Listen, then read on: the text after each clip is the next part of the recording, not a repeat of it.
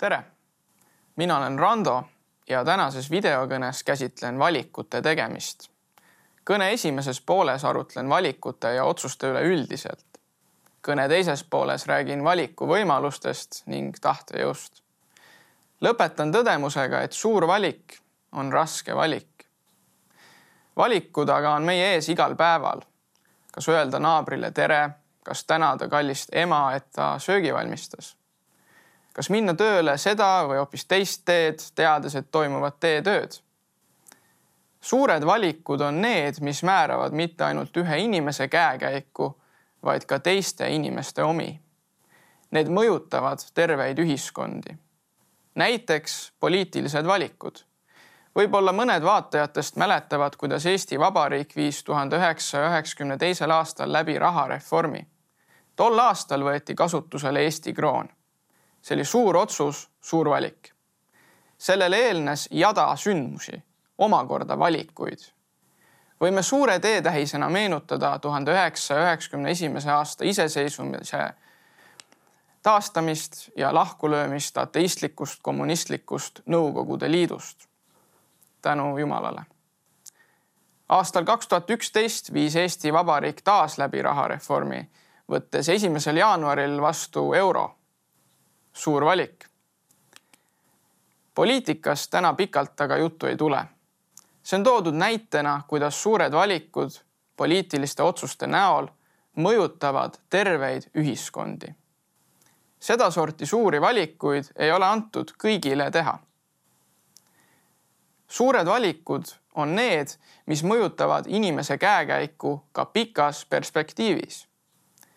inimese tasandil on need näiteks kooli, maailmavaate ja elukutse valik või abiellumine. iga usklik inimene küsib nende osas, kuidas teada Jumala tahet. nii nagu vahel saavad ühiskonnas suurtest teemadest väikesed ja väikestest suured, saavad indiviidi tasandil lihtsatest küsimustest keerulised ja keerulistest lihtsad. tahan sellega öelda, et mis tundub kõige olulisem ei pruugi seda alati olla. näiteks kui mõtled pingsalt, mis on Jumala konkreetne tahe minu jaoks selles ja tolles, siis võib-olla tahab Jumal, et sa tema sõna valgel iseseisvalt otsustaksid. armas kuulaja, Jumala üldine tahe on selgelt väljendatud piiblis. Jumala tahte kehastus on meile jäetud apostlite ja prohvetite kaudu aga ennekõike Jeesuses Kristuses, kes oma karakteriga veatult ette näitas, mismoodi elada tuleb. kui oled täna tegemas mõnda otsust, soovitan sulle järgmist vanatestamentlikku tarkust. kahe või kolme tunnistaja läbi on kindel iga asi. viitan siinkohal viienda Moosese raamatule Mattuse kaheksateistkümnenda peatüki kuueteistkümnendale salmile, läbivalt Johannese evangeeliumile ja teise Korintuse kirja kolmeteistkümnenda peatüki esimesele salmile. näiteks kui sa küsid endalt, kas Jumala tahe on, et ma peaksin X koguduses panustama oma Y-kandidega Z-valdkonnas, siis küsi seda kahelt, kolmelt autoriteetselt koguduse juhilt nii leiad kinnitust või julgustust tegemaks muud. olgu tervet rahvast puudutavad poliitotsused või üksikinimese suur, üksikinimese suured valikud. kõigi suurte valikutega peab kaasas käima suure pildi taju. loen ette viiendast Moosese raamatust kolmekümnendast peatükist salmid viisteist ja kuusteist. vaata, mina panen täna su ette elu ja hea surma ja kurja. kui ma täna sind käsin armastada issandat, oma Jumalat, käies tema teedel ja pidades tema käske, määrusi ja seadlusi, et sa võiksid elada ja paljuneda ja et issand su Jumal õnnistaks sind sellel maal, kuhu sa lähed, et seda pärida. kindlasti ei tasu endale teha ühest kirjakohast õpetust. nagu ma ütlesin, suur valik eeldab suurt pilti tasuks mõelda, mis kontekstis midagi öeldud on. tasuks mõelda, et mida on mõeldud elu ja surma all. paar salmi edasi, üheksateistkümnes salm, avab meile, et elu all on mõeldud õnnistust, see tähendab Jumala ligiolu ja surma all on mõeldud needust, Jumala ligiolust kaugele jäämist. ühesõnaga, suurte valikute tegemiseks ei piisa ainult ühest inspireerivast tsitaadist külmkapil või mõnest mõttevälgatusest, mida lugesid rongijaama seinalt ka Tumblri inspiratsioonipiltidest ainuüksi ei piisa. vaja on terviklikku õpetust. õpetussõnades ütleb autor nii. kui nägemus puudub, muutub rahvas ohjeldamatuks, aga seadust pidades on ta õnnis.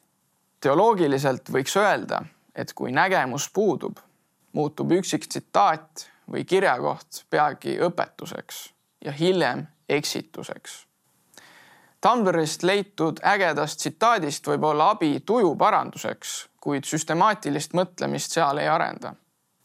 samamoodi võib panna külmkapile toredaid mõtteid, kuid suurt pilti see tajuda ei aita. suur pilt tähendab taju, mis põhineb veendumustel.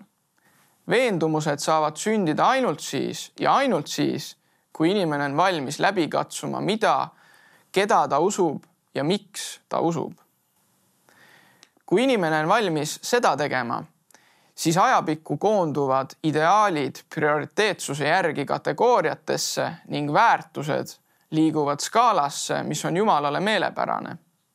seda teeb Jumal, kes on vaim. inimene peaks esmalt üheksa korda mõõtma ja üks kord lõikama, nagu ütleb vanasõna mäletan, kuidas aastaid tagasi Kanal kahes või muul telekanalil jooksis üks paaripaneku saade. Youtube'is levib tänaseni klipp, kus mees tegi naisele abielu ettepaneku stiilis ära mõtle, kohe ütle. selline spontaansus võib paista mõnele süütu romantika, kuid jäägu see vaataja otsustada, kas see oli tark tegu või mitte. niisiis üheksa korda mõõda ja üks kord lõika sedagi tarkuse tera on väänatud, nagu on väänatud piibliõpetust aastatuhandete jooksul. arvata, et mõtlesin sellega mingisugust niinimetatud proovisõiduõpetust, mida popkultuur õpetab, on ekslik. piibel õpetab abielu teemal, et abielu olgu au sees ning abieluvoodi olgu rüvetamata. kirjas heebrealastele autor kirjutab. kahjuks minu minevikus olid valikud, mis abielu ei austanud. minu teismeeas puudus nägemus, et ma võiksin elada lojaalses paari suhtes. paari suhtes, mis viiks välja, mis jõuaks välja elujõulise pereeluni. mul lihtsalt puudusid eeskujud. see aga ei ole õigustus patule.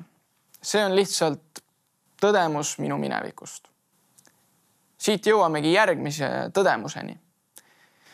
see Rando, kes täna teile räägib, ei ole alati olnud see Rando. selles maailmas elab kahesuguseid inimesi. piibel ütleb, et on inimesi, kes on nii-öelda aadamas kinni ja inimesi, kes on Jeesuses Kristuses vabad. seda keelt kasutab Apostel Paulus. Vana-testamendi keeles on see nii, nagu viiendas Mooseses on kirjutatud on need, kes valivad tema armust elada Jumala ligiolus ja on need, kes elavad lahus temast. Aadama järgi patumeelsuses ja Kristuse järgi pühaduses elamine ei ole minu välja mõeldud dualism. olgem täpsed, see on midagi, mida Apostel väljendas aastatuhandeid tagasi pühas vaimus pea kõigis kirjades, kus iganes ta ürgset patuprobleemi käsitles nagu ma jagasin, siis minagi olin kord Aadamas kinni. see tähendas, et mul mitte ei olnud vaba tahet, mis valis hea ja kurja vahel, vaid minu tahe toimetas valikuid kurja ja kehva vahel. Need, kes elavad Aadamas, valivad ebateadlikult või teadlikult igal päeval oma valikuid lahus Jumalast. see muster kandub ka üle igavikku ma ei ütle, et jumala kauge inimene ei saa mitte ühelgi moel head teha kas ta saab head teha emale pai tehes ja teda kallistades. see aga ei tähenda automaatselt, et ta valib kunagi midagi teha Jumala auks. patu maha kiskuvas needuses elades ei olegi see võimalik, kuigi Jumal oma pattu langenud loomingut armastab. see on paradoks Jumala sõna valgel. Apostel ütleb esimese Korintuse kirja kaheteistkümnenda peatüki kolmandas salmis seepärast ma teatan teile, et ükski, kes Jumala vaimus räägib, ei ütle neetud olgu Jeesus ning ükski ei suuda öelda Jeesus on issand, muidu kui pühas vaimus.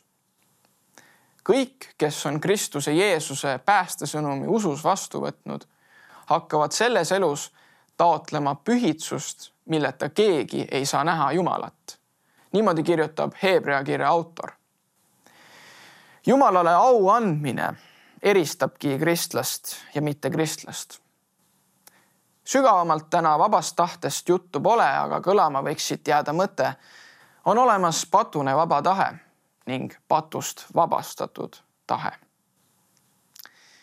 veel sooviksin teile rääkida elukutse valikust.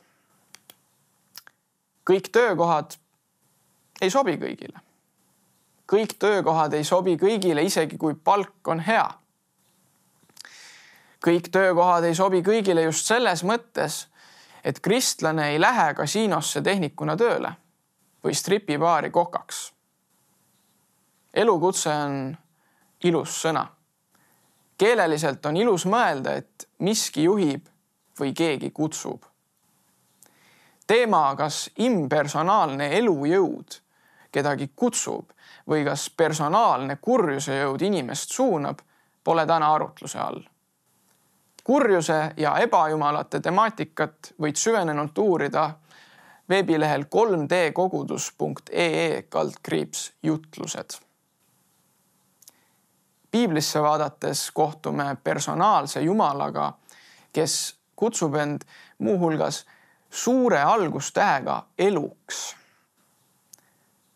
seetõttu olen veendunud, et Jeesus kutsub sindki uude ellu loen Markuse evangeeliumist järgnevalt.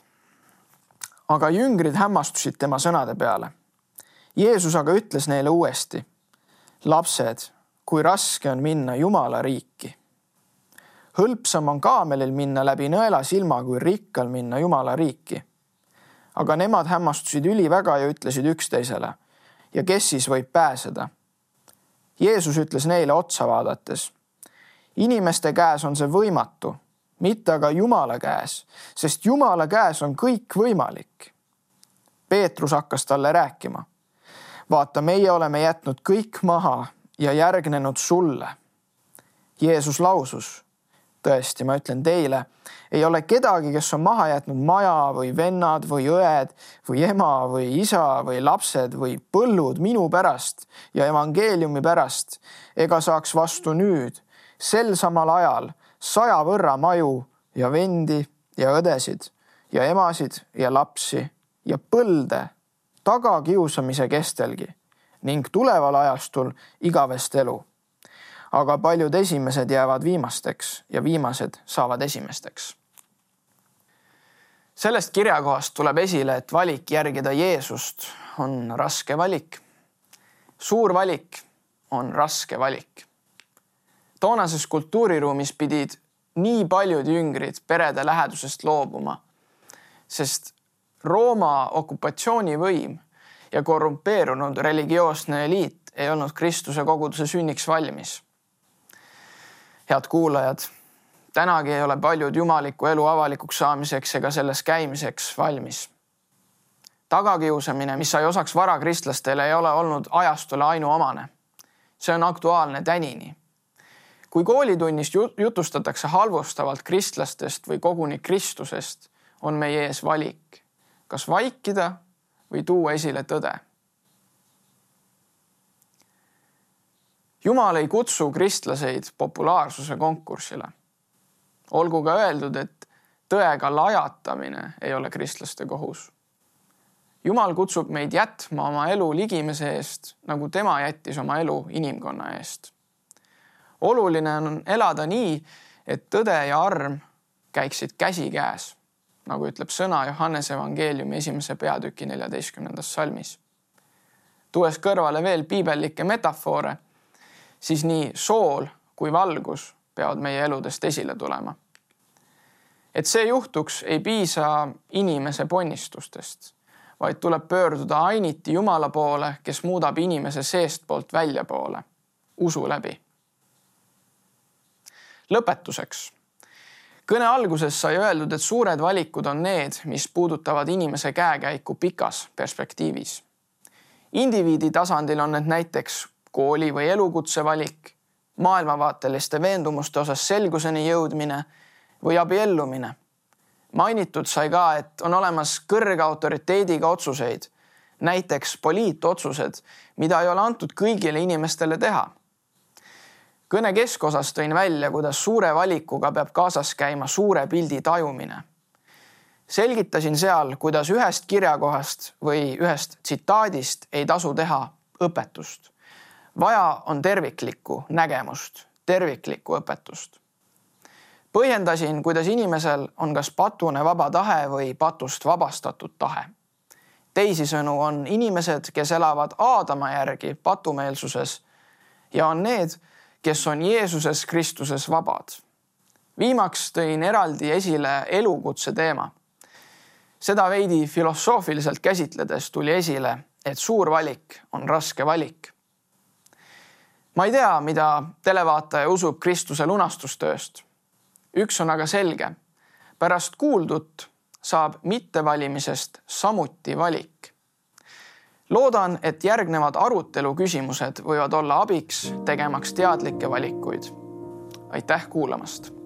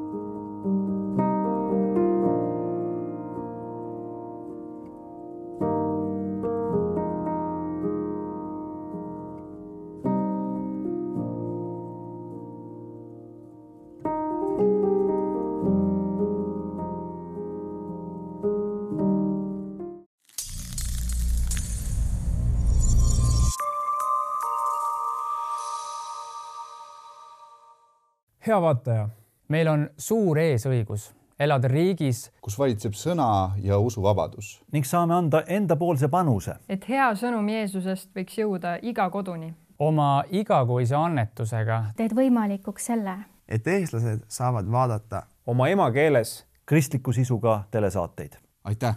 sinu panus on oluline